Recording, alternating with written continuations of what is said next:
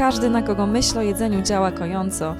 Każdy, kto w zły dzień włącza sobie seriale dokumentalne dostępne na różnych platformach VOD e, i ogląda, jak różni kucharze czarują niesamowite rzeczy na talerzu, a inni ludzie je próbują i tłuszcz ścieka im po palcach, niech łączy się ze mną w tym odcinku podcastu Kanapowcy. Ja się nazywam Kalina Mróz i dzisiaj zabiorę Was do świata street foodu, dosłownie w przenośni, ponieważ wybierzemy się na nocny market w Warszawie. E, to jest takie miejsce inspirowane światowymi targami ulicznymi, gdzie można się porządnie najeść. E, I na nocnym markecie spotkacie bardzo dobrych szefów kuchni z całej Warszawy, którzy zaserwują Wam jedzenie niedrogie, demokratyczne, E, i takie, które się bardzo chętnie zje siedząc e, w bardzo bezpretensjonalnych warunkach na murku, e, przy stoliku takim na zewnątrz, na peronie, bo w ogóle nocny market znajduje się na dawnym peronie przy dworcu głównym, dawnym ze znajomymi z piwkiem w ręku. Może nie powinnam reklamować tutaj alkoholu, no ale nie będę ukrywać, jaka jest prawda. I na tym nocnym markecie porozmawiamy sobie dzisiaj o e, serialach dotyczących street foodu. Znalazłam trzy takie pozycje na Netflixie, to znaczy wybrałam je, bo w Netflixie jest dużo więcej tego typu rzeczy. E, mam tu na myśli Street Food, twórców e, kultowego serialu Chefs Table o najsłynniejszych kucharzach świata. Ugly Delicious autorstwa słynnego szefa kuchni Davida Changa, założyciela Momofuku. To są restauracje, które wszyscy miłośnicy kuchni na pewno e, znają, o których słyszeli. I na koniec porozmawiamy sobie o The Chef Show e, Johna Favreau. Jest to jego podróż sentymentalna do filmu Szef, który nakręcił kilka lat temu i który również miłośnicy komedii e, i wszelkiego rodzaju łasuchy doskonale znają. Także słuchajcie, chodźmy jeść. E, na markecie czeka na mnie bardzo ciekawy gość, który naprawdę fenomenalnie opowiada o jedzeniu i również ogląda seriale, o których będziemy dzisiaj mówić. Jesteśmy na nocnym markecie w Warszawie, e, czyli Mekce w miłośników street foodu, gdzie można skosztować różnych fantastycznych rzeczy z restauracji z całej Warszawy albo eksperymentalnych, nowych e, pomysłów różnych szefów kuchni. Obok mnie Wit Szychowski, szef kuchni znany pod pseudonimem Pan Tasak. E, witaj. Witam serdecznie. E, no sobie opowiedz mi na początek, e, co ty tutaj na tym markecie porabiasz? Czym są pop-upy? Czym jest twój projekt, nazwijmy to kulinarny, bardzo ciekawy, czyli hałki różnego rodzaju? Tak naprawdę jestem tutaj w formie wakacyjnej chyba przerwy, jak, jak połowa gastronomii warszawskiej. Jesteśmy tutaj dlatego, bo możemy mieć kontakt z ludźmi to jest dla nas chyba najważniejsze tak naprawdę.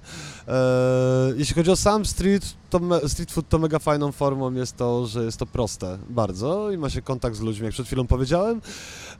A jestem tutaj, bo lubię to robić i, i, i mogę robić bardzo proste jedzenie w bardzo prosty sposób i mogę w ten sposób zaskakiwać ludzi, co jest bardzo fajne.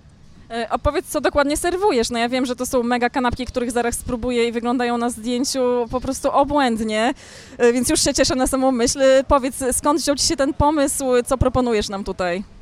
E, robię wytrawne hałki. Pomysł się wziął tak naprawdę klasyczny street food, coś zamykamy w bułkę, ale nie chciałem robić kolejnych hamburgerów, ani jakiś pit i tego typu rzeczy, więc zrobiliśmy hałki jak pieczywo tostowe. E, i robimy do tego różnego typu dodatki. Mamy jedną pozycję tylko mięsną, e, z powodu tego, że są to, jest sezon w pełni warzywny i, i trochę jestem za tym, żebyśmy jedli mniej mięsa, więcej warzyw w sezonie szczególnie. Więc mam e, pozycję z kaszanką, z konfiturą z czerwonych malin, rabarbaru, i tymianku, a mam też fasolkę szparagową, młodą kapustę z koperkiem, kozi wędzony ser, więc takie bardzo bliskie nam smaki dzieciństwa. Słuchaj, czym jest dla Ciebie street food tak naprawdę. Dlaczego się nim fascynujesz? Czy widziałeś na świecie gdzieś, bo wiem, że podróżujesz, e, słyszałam co nieco, e, jakieś takie markety, które cię inspirują w jakiś sposób? Co w tym jest wyjątkowego twoim zdaniem? E, kurczę, to jest bardzo trudne pytanie. Chyba najbardziej trafnym jest określenie street foodu jako nagość, e, czyli ogałacasz się z restauracji, z PR-u, z tego całego e, wystroju wnętrz, który robi wow na wejściu. Jesteś, kurczę, w budzie, masz jednego grilla, patelnię i tak naprawdę musisz zrobić na ludziach wrażenie przy pomocy noża. I to jest chyba najfajniejsze. Najfajniejsze jest chyba to, że nie jesteś właśnie zamknięty na zapleczu, tylko masz kontakt z ludźmi i, i to jest super. No i spotkaliśmy się tutaj też, żeby porozmawiać o serialach e, Netflixa kulinarnych, e, dokumentalnych. Zacznijmy może od Ugly Delicious, no bo to jest coś bardzo, bardzo ciekawego. E, Tam znany bardzo też szef kuchni prowadzi ten program i tak od serca bardzo opowiada e, no, o rzeczach, które może, mm, o potrawach, które może nie wyglądają pięknie, e, nie są eleganckie, za to są przepyszne, no i są z sercem też mam wrażenie. Kurczę, mówimy oczywiście o Dawidzie Changu, e, którego bardzo lubię. Po tym człowieku widać, że on jest totalnie zajarany e, gotowaniem. E, I tak naprawdę to widać po prawdziwych kucharzach, że oni mają tą taką zajawkę, żeby po prostu karmić ludzi. I to też jest bardzo wspólne ze street foodem. Chyba, kurczę, jeśli miałem określić ten serial, to to polega na tym, że ej, nie będziemy tutaj robić jakichś kuglaskich sztuczek, układać jakieś rzeczy na talerzu, tylko po prostu powiem wprost, że rozpieprzymy ci kubki smakowe smakiem I, i to jest chyba najfajniejsze. Oprócz tego, że tego gościa się mega fajnie ogląda, bo on nawet jak występuje w drugoplanowej roli, czyli jest, e, jakby wizytuje o innych szefów kuchni i słucha ich historii, widać, że on się totalnie tym jara, nie? to od niego emanuje, kurczę. I, I myślę, że to jest jakby esencja w ogóle gotowania, mieć zajawkę na karmienie ludzi i przejmowanie tej energii z powrotem, kiedy oni ci dziękują, że zrobiłeś coś dla nich dobrze, po tam 12 godzinach wcześniej w fabryce, jak to produkowałeś e, z potem na czole. No. E, No i też sięga do takich tradycji, prawda? Jakoś tak przypomina sobie dzieciństwo swoje, na przykład nie wstydzi się też tak zwanego junk foodu, czegoś czym kucharze często gardzą, czy niezdrowego jedzenia też się nie boi, no, testuje tam pizzę, testuje różne takie fast foody, nawet pizzę Dominium jakoś tam troszeczkę broni na swój sposób, E, więc to jest też dosyć urocze. Też masz taki sentyment do takiej kuchni no, związanej z dzieciństwem, z jakimiś takimi smakami, które przywołują wspomnienia. Jak najbardziej. E, Trochę żeśmy zwariowali, bo ten zachód nas zalał. 20 lat byliśmy od niego zamknięci.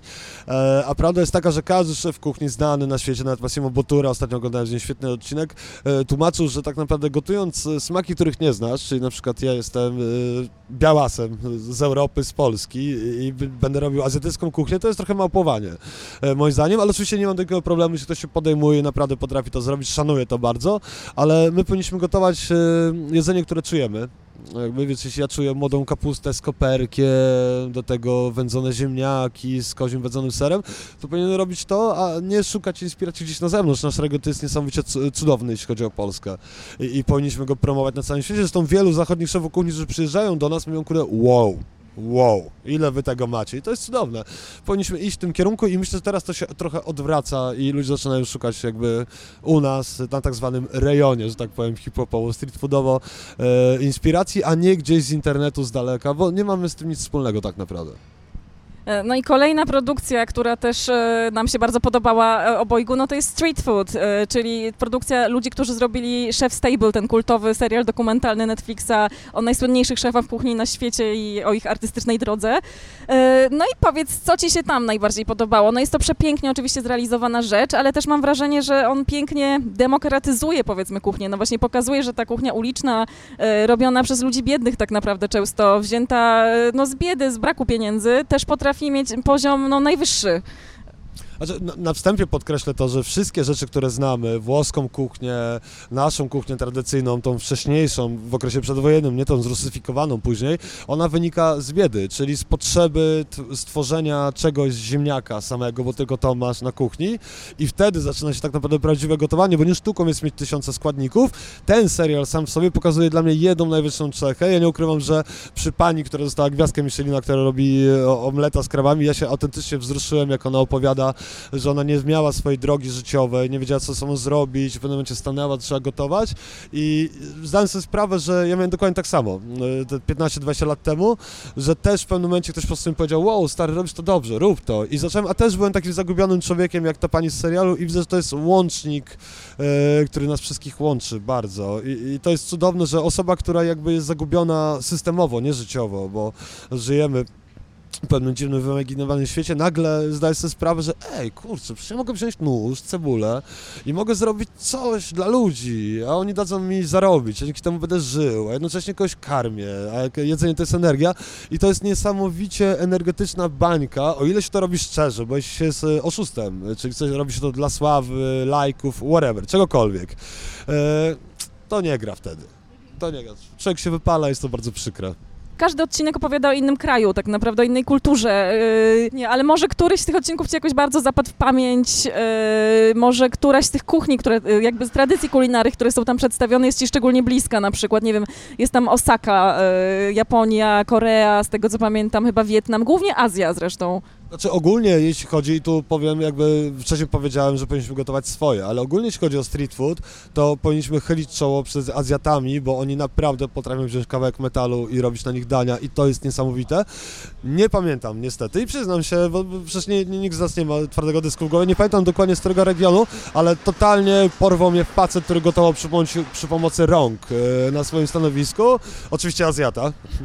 E, I to było niesamowite, że on miał miskę z wodą obok grilla i nie używał żadnych narzędzi, czyli całkowicie skompresował swoje zapotrzebowanie. E, jakby takiego gościa wydaje mi się, że jakby wpuścić na profesjonalną kuchnię, gdzie masz wszystkie sprzęty, termomiksy, piece konwekcyjne, ten gościu by zwariował. On z miejsca by dostał gwiazdkę po prostu, bo ilość możliwości, które miałby do zrobienia, to jest, że tak powiem, studnia bez dna. Jeżeli słyszycie jakieś takie dziwne dźwięki obijających się różnych y, garnków albo wózków, y, no to słuchajcie, po prostu nocny market się niedługo będzie otwierał i ludzie tutaj naprawdę ciężko pracują. Y, słuchaj, rozmawialiśmy jeszcze wcześniej o serialu The Chef Show, o którym mówiłeś, że nie oglądałeś, ale polecę ci go troszeczkę, bo nie wiem, czy widziałeś w ogóle film Chef, tą komedię Johna Favreau.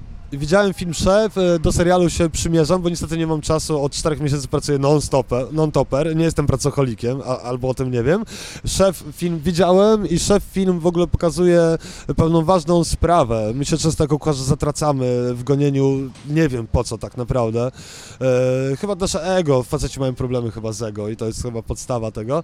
I tam jest bardzo ładnie pokazane, jak facet dochodzi do wniosków, bardzo ważnych. Rzuca pracę w restauracji z gwiazdkami, kupuje food trucka i z synem e, jedzie na wakacje i to go zmienia tak naprawdę.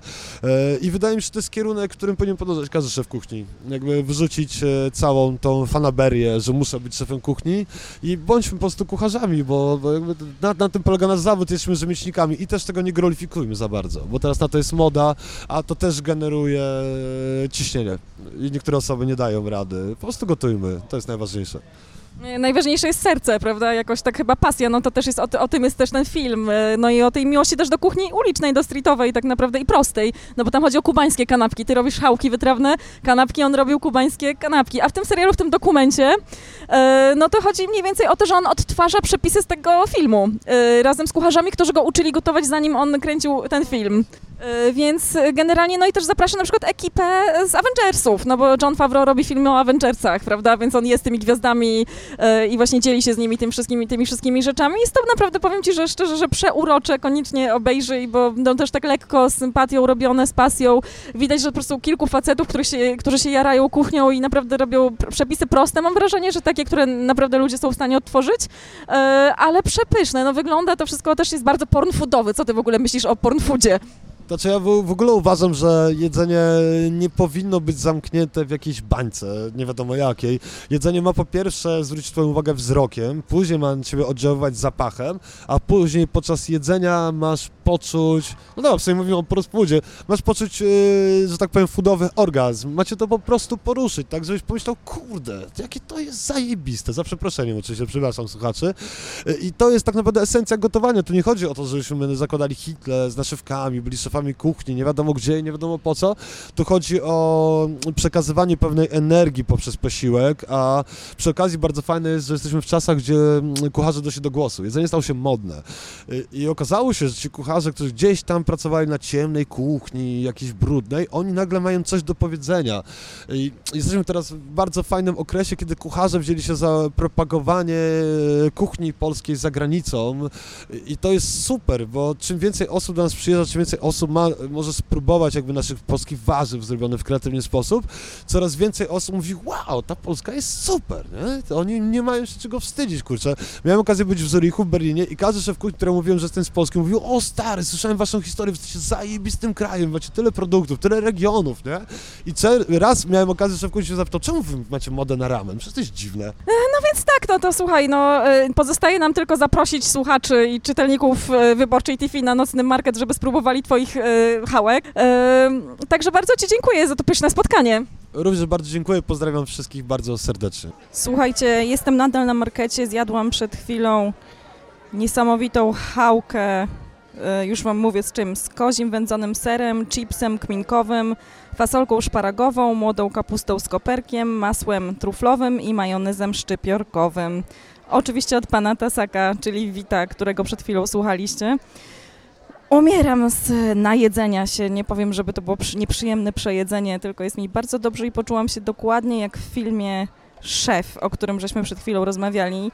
E, Także naprawdę, jeżeli chcecie właśnie takich doznań, takiego porn foodu i takiej kuchni lokalnej robionej z sercem, e, jeżeli chcecie poczuć klimat seriali, o których przed chwilą rozmawialiśmy, no to musicie się koniecznie udać na nocny market na warszawską Ochotę. A w zasadzie Wolę, przepraszam, ja jestem z Ochoty i zawsze mówię, że nocny market jest na Ochocie, ale mieszkańcy Woli się będą ze mną na pewno kłócić.